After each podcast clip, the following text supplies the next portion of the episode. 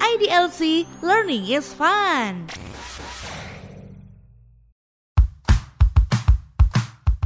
Halo good people, kita jumpa lagi di dalam podcast idlc.id.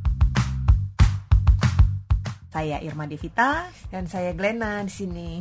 Ya, jadi kita akan membahas apa nih Glenn hari ini? Kita mau ngobrolin yang lagi heboh Mbak Irma. Kita Iya. mau ngomongin HT online. Wow, Nah, kayaknya notaris- belum selesai-selesai nih masalahnya. Iya.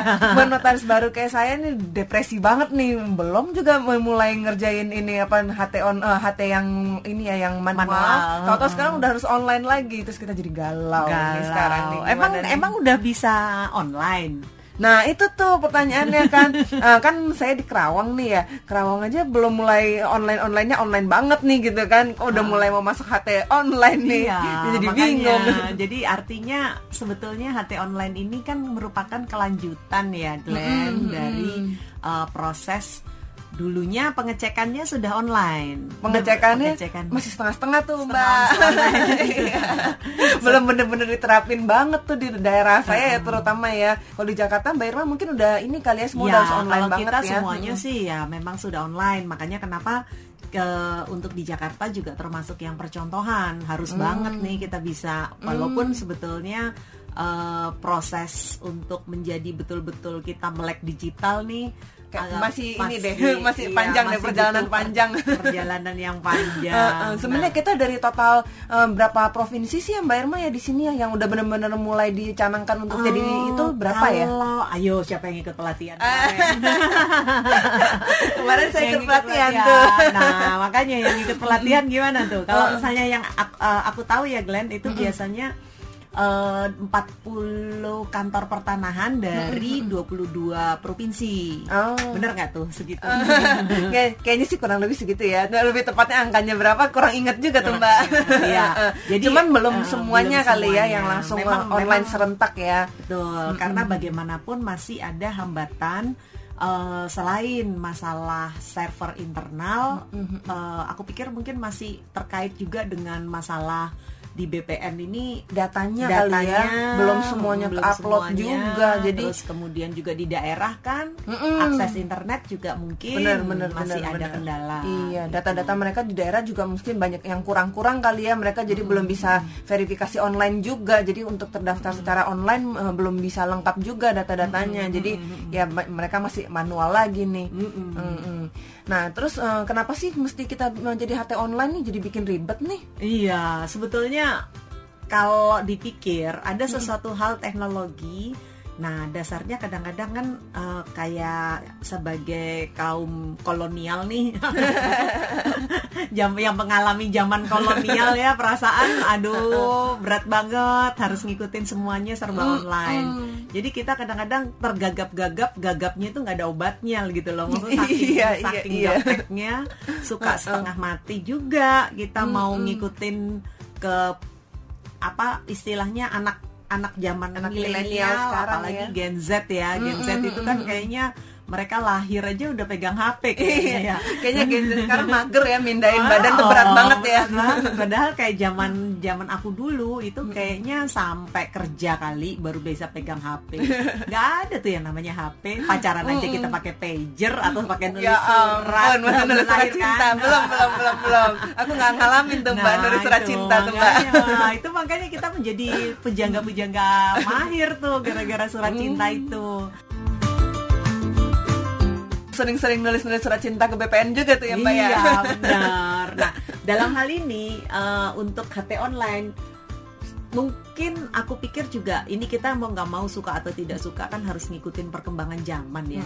Indonesia ini eh, saat ini baru berusaha untuk mendigitalisasi seluruh layanan per- layanan eh, publik termasuk layanan pertanahan karena memang paling rawan atau paling besar eh, kebutuhannya itu terhadap memang pembuktian terhadap kepemilikan tanah secara eh, jelas. Dan ya, bagaimana caranya? Ya tentu saja melakukan sertifikasi. Pada waktu itu kan memang sudah dicanangkan program yang namanya PTSL tuh Glenn. Eh, iya, iya, pensertifikatan tanah secara langsung. Nah sekarang eh, setelah disertifikatkan semua udah terdata misalkan. Memang belum belum bisa kejangkau sampai ke seluruh pelosok, tapi setidak-tidaknya sudah mulai beberapa kota banyak. ini ya kota-kota besar kota-kota ya besar udah atau di daerah-daerah tertentu yang semula tanahnya juga masih nggak jelas kepemilikannya. Nah itu mulai disertifikasi.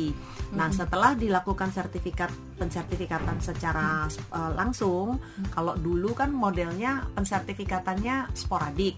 Apa bedanya sporadik sama langsung? Ayo. aduh kalau yang langsung kita yang mohon sendiri ya Nah, enggak. Kalau yang langsung memang program pemerintah. Kalau Oh. misalnya sporadik yang kita ngajuin sendiri. Oh, kebalik berarti. Oh. Aduh, kayaknya harus belajar lagi. Buka-buka lagi buku agrarianya.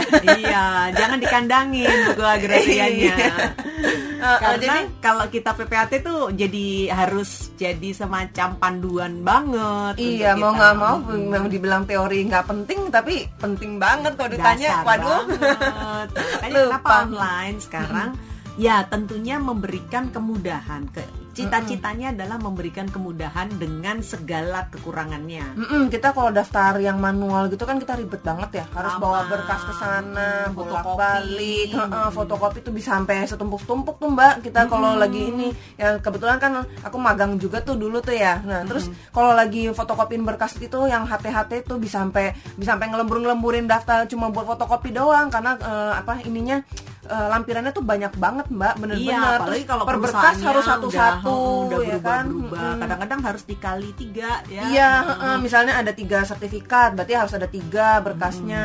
Padahal hatinya kan cuma satu, tapi dia nggak mau dari BPN. Apalagi masing-masing BPN tuh beda-beda. Mungkin kita harapannya kalau kita habis online ini, sekarang kan semua udah tersentralisasi ya, berarti kan. Nah, berarti otomatis eh, aturannya lebih sama ya kan, jadinya kan. Terus jadi kita mempersingkat waktu juga. Nah, terus juga me- menghemat eh, biaya juga ya. Jadi kita nggak usah bolak-balik ke sana, nggak usah eh, apa namanya eh, fotokopi fotokopi berkas semua gitu kan. Terus juga prosesnya lebih cepat. lebih cepat udah ada kepastian pasti tujuh hari terbit gitu ya Mm, mbak ya Dan Mm. lagi juga biaya pastinya lebih murah. ini pasti karena lebih mudah dan Mm-mm. lebih uh, melibatkan sekarang kita tapi uh, ada tapinya nih di sini karena kita kan sekarang tidak hanya terkait sama notaris dan dan kantor pertanahan aja, tapi sekarang kreditur pun juga dilibatkan. nah itu Nah, tuh orang bank juga jadi pada nanya nih gimana nih jadi kita yang ngedaftarin? Apa gimana nih mbak nih? Nah untuk itu. online-nya. Makanya jadi sebenarnya dari sisi uh, tugas kita uh, setelah membuat akte PPAT, jadi setelah ada penandatanganan dengan debitur, terus kemudian setelah selesai pemberian penandatanganan SKMHT atau APHT di hadapan uh, pejabat kita sebagai pejabat pembuat akte tanah, baru nanti kita harus mengupload dokumen. Nah, dokumen itu sebelumnya yang art- artinya kayak asli sertifikat.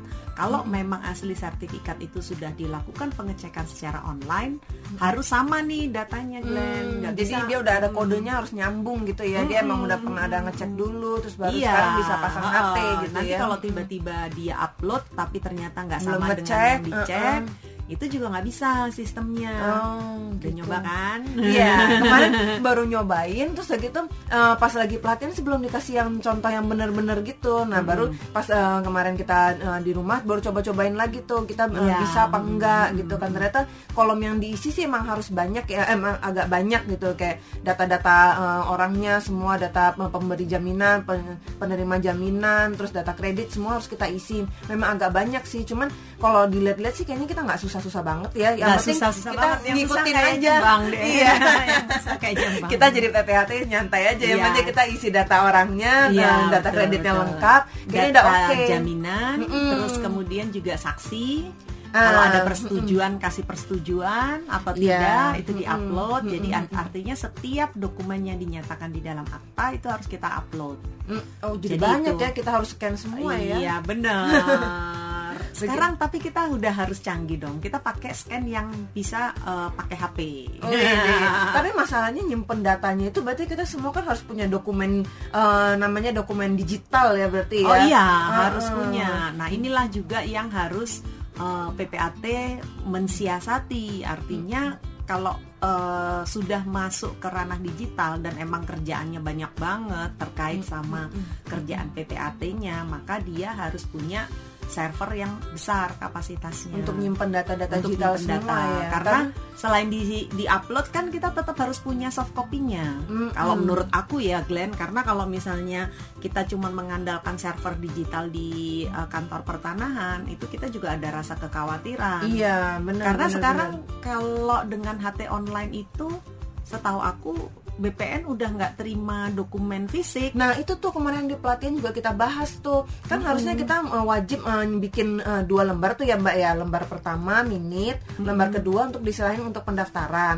Nah sekarang kalau misalnya kita udah online semua nih berarti kan otomatis uh, kita nggak uh, kan jadi katanya rencananya bahwa PPAT PPAT kayak kita ini nggak usah datengin kantor pertanahan lagi tuh mbak katanya. Jadi kita nggak usah bolak balik lagi ketemu orang BPN tuh mbak. Nah berarti kan asli sertif uh, ininya sorry asli minit yang lembar kedua itu kan nggak akan kita serahin ke nggak BPN berarti tuh. cuma satu lembar dong Glenn seperti minum Nah. akta notaris aja dong Nah, katanya sih lagi direncanakan mau begitu, Mbak. Mau dirubah dulu Oh, aturannya. oke. Soalnya PP 24 kan tetap nyebut lembar pertama untuk PPAT, lembar kedua untuk eh, kantor pertanahan. Nah, termasuk perkaban mungkin nggak masalahnya itu dirubah. Untuk sementara ini eh, HT eh, di eh, per- permen yang untuk HT online ini sekarang masih nyebutinnya bahwa eh, lembar kedua itu disimpan sebagai warkah. Jadi yang agak ini nggak sih? notaris punya atau PPAT Lembar satu. punya lembar satu dan Lembar lembar, dua, dua, sama-sama. berarti ada dua Ah. warkah Eh, eh, jadi lembar Waduh, pertama capek juga nih kita Ah, ah, kita kayaknya kedua. harus sewa gudang apa Iya, memperlebar kantor aduh, nih kalau yang kantornya kayak aku yang cuman sepetak gitu, kayak kios gitu, gimana ya mbak ya nyimpennya? kayaknya harus bikin bawah tanah Glenn. Iya, kayaknya harus bikin bunker gitu ya buat Bunker. nyimpen. Yang anti kebakaran iya ya, anti rayap. soalnya kalau gempa gimana tuh kan Waduh, juga iya, kan pusing gawat juga banget. makanya justru itu kalau kalau kalau aku sih tetap menyarankan kita mulai sekarang punya yang namanya penyimpanan digital Mm-mm. memang saat ini eh, kita sebetulnya ngeri-ngeri sedap juga karena digital Hmm. itu saya aku pikir ya nggak bisa betul-betul dipercaya 100% Iya, kita kalau mau pakai jasa-jasa kayak misalnya nih, kita kan ada banyak tuh ya macam-macam yang nyimpen data secara online kayak cloud, kayak kayak eh, yang eh, Google Drive gitu. Nah, itu aman nggak sih Mbak menurut Mbak? Mbak sendiri pakai nggak yang kayak gitu? Hmm, Aku pakai, tapi nggak se- untuk yang data-data yang sifatnya eh, konfidensial. Nah, Karena ngeri kan? masih masih ada rasa takut ya, maklum lah itu tadi kan. Kita kan dari zaman kolonial ya, Glenn. aku tuh dari zaman kolonial yang lebih seneng pegang kertas, bau kertas, Eh, eh, walaupun harus nulis-nulis di kertas, iya, ya, Mbak, ya. harus tidur dan mandi sama kertas gitu kan. Tapi daripada eh, kayaknya virtual itu masih ada rasa takut, Takut ada rasa kehack khawatir. gitu ya.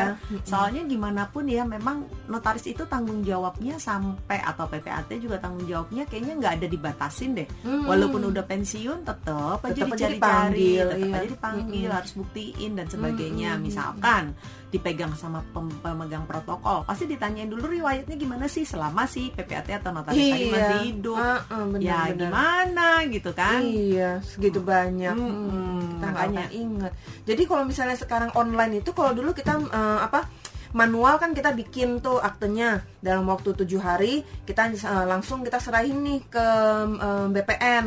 Jadi kan orang bank tuh nggak usah ikut campur tuh kan. Jadi pokoknya mereka tahunya eh, ini eh, notaris langsung ya daftarin ya. Pokoknya terima jadi gitu. Bentuknya nanti kita kasih dalam bentuk buku sertifikat hak tanggungan. Nah sekarang kalau online itu masalahnya kan yang daftarin bank, Bank, ya sekarang ya bank. kreditur ya. Nah itu tektokannya gimana tuh sama notaris tuh kan tetap wah, peraturannya nggak dirubah tuh mbak tujuh hari loh. Nah itu. Makanya begitu selesai pembuatan akta kita langsung upload berikut dokumen-dokumennya. Nanti ada Unicode atau kayak semacam barcode begitu ya. Istilahnya QR code sorry lebih tepatnya QR code.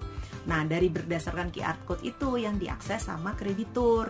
Kreditur mulailah dia yang mengisi dan mendaftarkan. Nah sampai dia mendapatkan nomor untuk eh, apa sih namanya tagihan untuk membayarkan di eh, PNBP ke kantor se- apa ke bank yang terdekat. Bank Jadi kita nggak bayar bayarin PNBP Oh, lagi sekali. tuh. Kita Enak ya kita ya bikin akte ya bikin bener-bener akta. balik lagi ke, eh, tupoksi. tupoksi kita Tupoksi. bener-bener bikin akte kita akte. selesaiin akte udah nih ya Upload kita udah, ya heeh, Mm-mm. bener. Nah, cuman eh, gimana ya Glenn? Apakah kemarin dijelaskan juga? Maksudnya apakah menurut per- Glenna pernah dengar? Gimana kalau misalnya tiba-tiba diubah-ubah sendiri? Itu bisa nggak? Kayak semacam ada Nah, itu tuh yang uh, ini juga kan kekhawatiran teman-teman kita nih yang sebagai sesama PPAT nih kan. Kita kan khawatir sekarang kalau kita kerja semua berdasarkan data digital sementara kita tahu ya banyak banget kan uh, masalah-masalah orang yang istilahnya foto di ini diedit di gitu kan. Edit Uh, uh. Photoshop. Photoshop, Photoshop. Photoshop, Jadi kan sotoy Ah, gitu kan. ah, tuh, tuh kan kita khawatir kan. Jadi teman-teman tuh kemarin juga tanyain sama kebetulan yang eh, hadir pembicara tuh kemarin ada dari bagian eh, ini juga ATR juga dari eh, pihak yang benar-benar eh, provide eh, sistem ini gitu kan. Nah dari mereka sendiri menjamin bahwa kalau kita eh, keluarin dokumen eh, elektronik istilahnya sekarang namanya dokumen elektronik ya sertifikatnya kan jadi dok- eh, sertifikat elektronik. Nah itu tuh ada unique code-nya gitu mbak. Oh, jadi, kayak dikunci gitu Ah, ya. Jadi kalau ke- nanti muncul sertifikatnya itu ada lambang kuncinya itu. Mm-mm. Nah itu apa namanya ya lambang kuncinya kemarin tuh? eh, lambang t- eh, apa ya? Hmm, Ya pokoknya ke dikunci ah, lah ya. ah, ada dia warna biru gitu ada gambar kuncinya. Nah itu katanya tuh eh, udah terjamin pasti aman. Nah kalau misalnya eh, di kemudian hari ternyata ada orang yang do something mengedit itu, nah itu di dari datanya itu dia kan unique code itu ya mbak ya. Nah itu di- mereka bisa kelihatan bahwa file ini udah pernah dirubah gitu. Iya. Nah jadi pada saat kita mengupload lagi data yang sama itu eh, data yang udah kita edit itu langsung dari eh, sistemnya itu langsung muncul tanda silang dia tahu kalau ini tuh udah di eh, ini Edit, dirubah oh, eh, oke. diedit Mhm. jadi eh, itu juga pelindungan buat kita ya teman-teman PPAT eh, untuk tahu bahwa ini sertifikatnya itu benar-benar asli atau enggak nah itu eh, dia ada centang hijau eh, apa centang hijau tuh berarti dia datanya sesuai asli gitu. Nah kalau eh, disilang merah berarti oh hati-hati warning nih. Nah itu yang pertama. Nah yang kedua selain itu eh, dari masing-masing sertifikat yang diterbitkan dia ada eh, keluar jilid-jilidnya tuh. Edisi 1, edisi 2, edisi 3 Oh, setiap kali diperbaiki Ah, ah. ataukah diedit, dia otomatis dia langsung berubah. terbit eh, eh, jadi Ah, jilid, kedua, gitu. Eh, eh, jadi kita misalnya terbit SHT nih. eh, ini yang pertama Nah, terus nanti kita ada HT kedua nih, HT jadi kedua. eh, yang ke jilid kedua. Nanti kita roya jadi jilid ketiga. Jadi kita bisa track tuh semua ini udah jilid keberapa. Jadi kita kan misalnya kalau kita terima yang udah yang eh, terbaru doang nih. Iya. Nah, kita kan nanti bisa tanya sama mereka, "Oh, ini udah ke jilid keempat nih. Yang satu dua tiganya apa aja?" Apa? Nah, Benar, eh, benar. Jadi kita kan nggak bingung juga nih, nih orang ngapain aja. Kalau dulu manual kan kita cek tuh di buku sertifikatnya. Nah, tapi sebenarnya pun di buku sertifikatnya eh, kita udah daftar secara elektronik, kita ada nanti ada satu eh, selembar kertas yang harus kita tempelin di sertifikatnya. Oh, selembar kertas yang Uh-uh. ditempelin kayak kayak semacam apa ya? Label begitu ya. Iya, kayak label. Jadi nanti dia ada barcode-nya di situ, Oke. eh, ada QR code-nya. Nah, yang bisa kita cek nanti secara online. Nah, itu yang harus eh, dilakuin sama si kreditur itu sendiri tuh, Mbak. Jadi kreditur-kreditur harus aware, jangan cuma daftar online terus nggak ditempelin tuh di bukunya tuh. Hmm, jadi harus ditempel. Eh, udah ada HT-nya, yang ada eh, QR code itu. Nah, nanti di Roya pun bukan terus dicabut ya, Mbak ya. Tempel itu tempelannya bukan Iya. dicabut, apa disobek aja. Iya. nanti pikirnya aduh ngapain nih kayak gitu udah cabut aja gitu kan di, disobek aja, aja. Eh, eh. nah nggak bisa Roya pun harus ngelaluin sistem yang tadi aku bilang itu mbak didaftarin lagi jadi jadi jilid kesekian nah itu harus ditempel lagi di bawah jadi bisa dicek lagi di riwayatnya di situ Hmm, Mm-mm. jadi itu kertas kalau misalnya di Roya kertasnya diapain? Yang udah ada sertifikat Yang- hak tanggungan kan? Jadi kertas tuh dibuang. Nah sertifikatnya oh enggak dong Kak.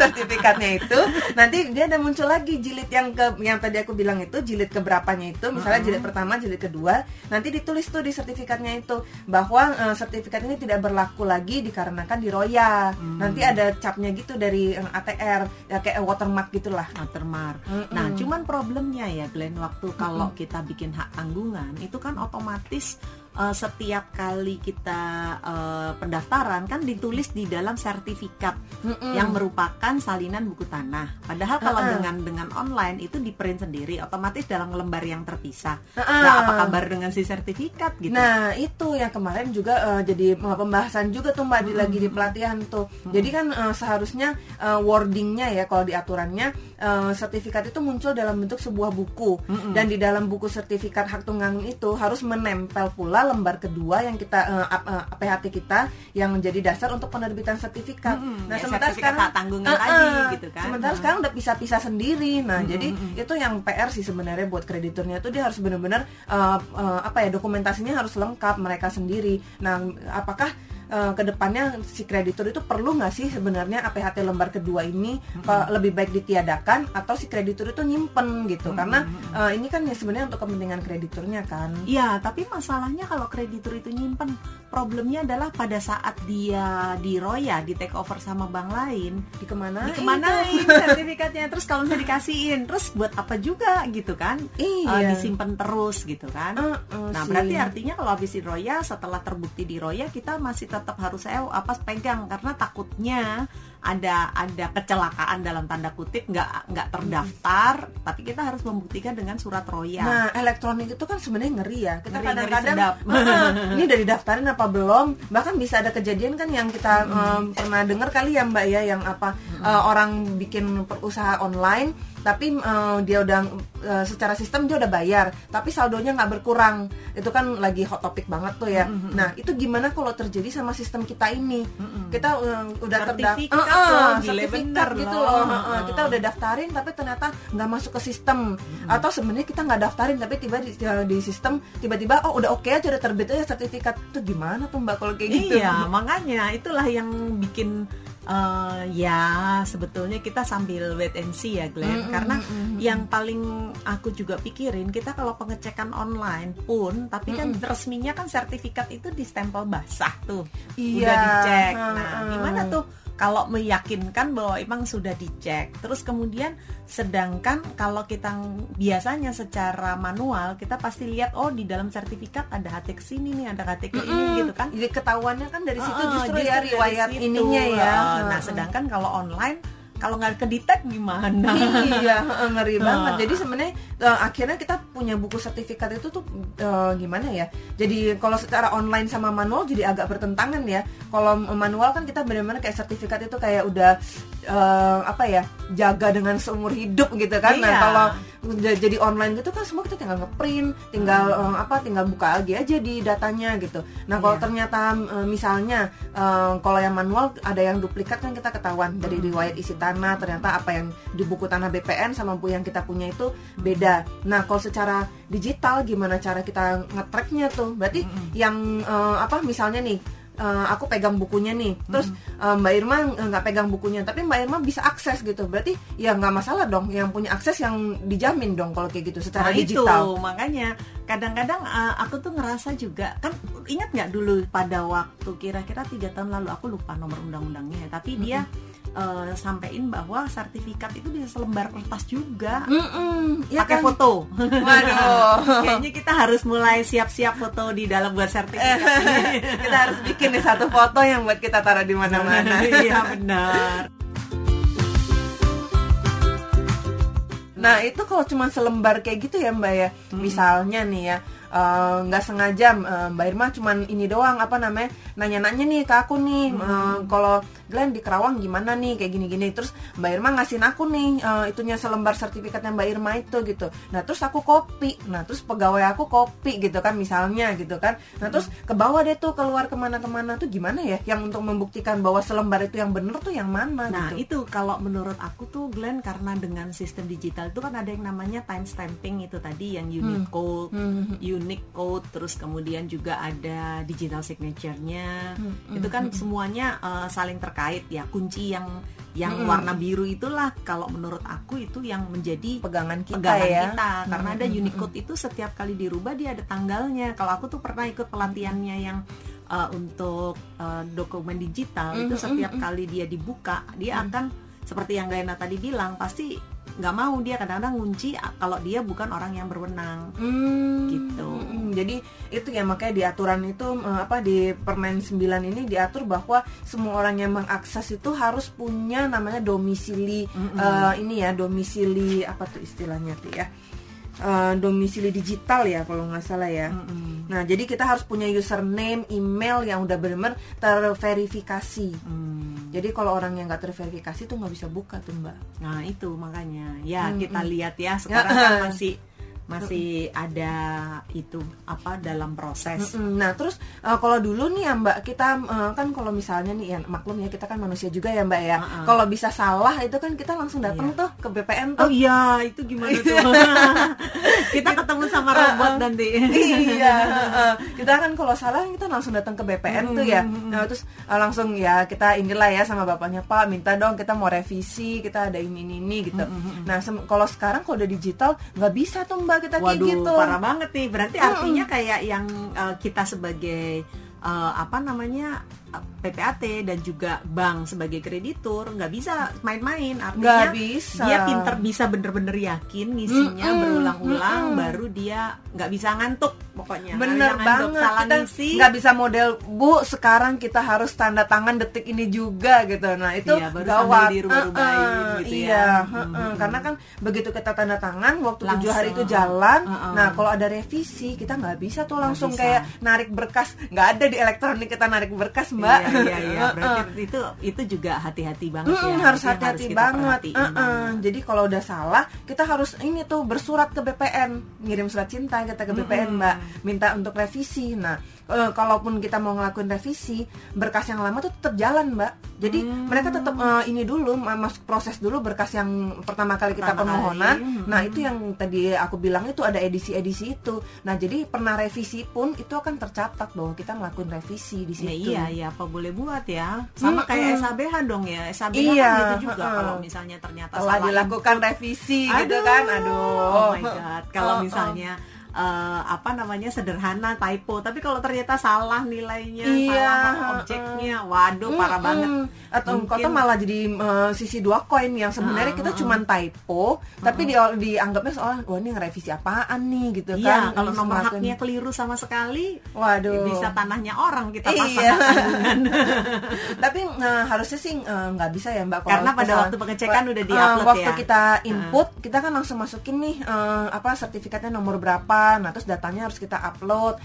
Nah, cuman yang eh, kita khawatirnya adalah eh, akte kita itu yang kalau akte kita sampai salah, berarti kan eh, kita harus ngerevisi ke si BPN itu kan. Nah, itu mm, padahal kita cuma ngerevisi eh, apa istilahnya lampiran berarti kan kalau di sistem kan ngerevisi lampiran, tapi di sistem dia maksudnya kita ngelakuin revisi. Iya, tetap karena ada ada Unicode itu tadi. Setiap kali dibuka kuncinya dia akan merubah Unicode-nya dan itu akan selalu terdata. Iya, terdata. Jadi katanya nih Mbak, kalau kita sering-sering lakuin revisi ntar dicatat nih katanya nih. Waduh. Loh, tapi ngomong-ngomong itu ada biaya eh, sistem nggak? Kayak kalau misalnya kalau kayak eh, SABH kan ada biaya sistem. Kita menggunakan sistem. Eh, Kalau misalnya sekarang kan paling baru dikenal kan PNBP, PNBP doang. Tapi Heeh. ada nggak biaya sistem selain biaya PNBP? Sejauh ini sih kemarin sih belum dibicarain ada biaya yang lain sih. Oh, yang baru nih Mbak yang paling menarik nih ya. Kalau kita dulu eh, blokir ya, kita boleh kan orang sembarangan aja ngeblokir Iya, benar, cukup benar. dengan selembar surat. surat, Nah, betul. sekarang tuh nggak bisa loh Mbak kayak Oh, gitu. jadi harus gimana tuh? Jadi kalau kita mau eh, ini apa mau blokir harus eh, aturannya sekarang jelas harus bener-bener yang terkait sama eh, masalahnya terkait sama objek yang Hmm, pertama. hmm. Nah kalau dulu orang kan kayak kita cuma utang piutang pokoknya kita blokir aja dulu asetnya Iya, dia walaupun iya. nggak ada nyewa kaitannya. aja bisa blokir loh. eh, Oh. Nah ini harus yang bener-bener kaitannya sama objeknya. Objek ini bener-bener ada sengketa. Maksudnya yang, yang diper yang diper yang kita berantemin tuh ya objek inilah gitu kan. Nah yang kedua di, dicanangkan nanti se- eh, selanjutnya untuk blokir kenain PNBP tuh mbak. Oh. Jadi nggak semua orang langsung ini bisa aja blokir, blokir. blokir sembarangan. eh. Tapi tetap eh, itu ya eh, jangka waktunya tetap 30 hari apa mau Eh, jangka waktunya diubah? sih belum dirubah sih. Belum Jadi dirubah. cuman eh, yang yang hotnya itu kenain PNBP tuh. Kita Oh, iya. sekarang kan nggak pernah kan kena PNBP untuk blokir kan. Iya, orang orang pipis aja bayar. Iya. nggak- nggak kena mau melakukan banyak Ah, hal ah. ya. Iya, jadi blokir kena PNBP dan eh, nominalnya lumayan signifikan sih Mbak. Jadi maksudnya di, akan dihitung dari persentase nilai objeknya katanya. Jadi orang yang benar-benar serius ngeblokir doang nih yang bisa ngeblokir. Jadi ya bener juga sih ya kita kan pernah juga ya Mbak ya nerima eh, ada kondisi ternyata mereka internal ada berantem apa Iya. terus ngeblokir jadi hati kita nggak bisa kepasang. Iya, gitu. padahal kadang-kadang masalahnya bukan tentang tanah itu, Mm-mm, tapi masalah yang lain tapi karena atau ya misalkan rebutan warisan atau rebutan harta gono gini Iya, pokoknya dia Udah. cuma tahu dia punya ini ini semuanya langsung di dipatok-patok di Iya, ini diblokir. diblokir-blokirin Sekarang semua. nggak bisa, ya. Heeh, sekarang nggak bisa. bagus lah paling nggak memberikan kepastian hukum ya Iya, jadi buat kita PPHT juga nggak tiba-tiba lagi ngerjain kerjaan terus tiba-tiba eh ada blokir Iya, nggak bisa daftar. Tapi itu bagus, artinya kecepatan karena beberapa kali ada kejadian juga Glenn di lapangan kita udah ngecek bagus, tapi kan proses penandatanganan kan masih tujuh hari atau proses AJB itu kan masih ada waktu. Karena belum bayar masa- proses validasi pajak misalnya atau proses apa pun. Nah tapi begitu udah di la- mau dilaksanakan, walaupun udah dicek beberapa hari sebelumnya, ternyata pas pada hari H udah dibayar ternyata blokir, nggak bisa balik iya, nama. heeh, bener. tapi sebenarnya tuh pertanyaan menarik juga nih Mbak Irma ya. Berhubung nggak dibahas tentang AJB nih. AJB kita kan tahu ya seringnya tuh eh, kalau validasi tuh lama. Nah itu berarti PR nih buat orang BPN nih atau buat kantor pajak malah justru. Validasi nggak boleh lama-lama nih. Iya, kita harus karena- tujuh hari. karena betul karena kalau enggak nggak bisa kita proses juga. Hmm, karena hmm, kita ketemunya udah nggak sama manusia pakai robot. Ketemunya robot kata robot yang- enggak ya enggak iya. gitu aduh nggak Aduh, bisa nggak nggak bisa pakai perasaan Iya, kasihan nggak baper kita.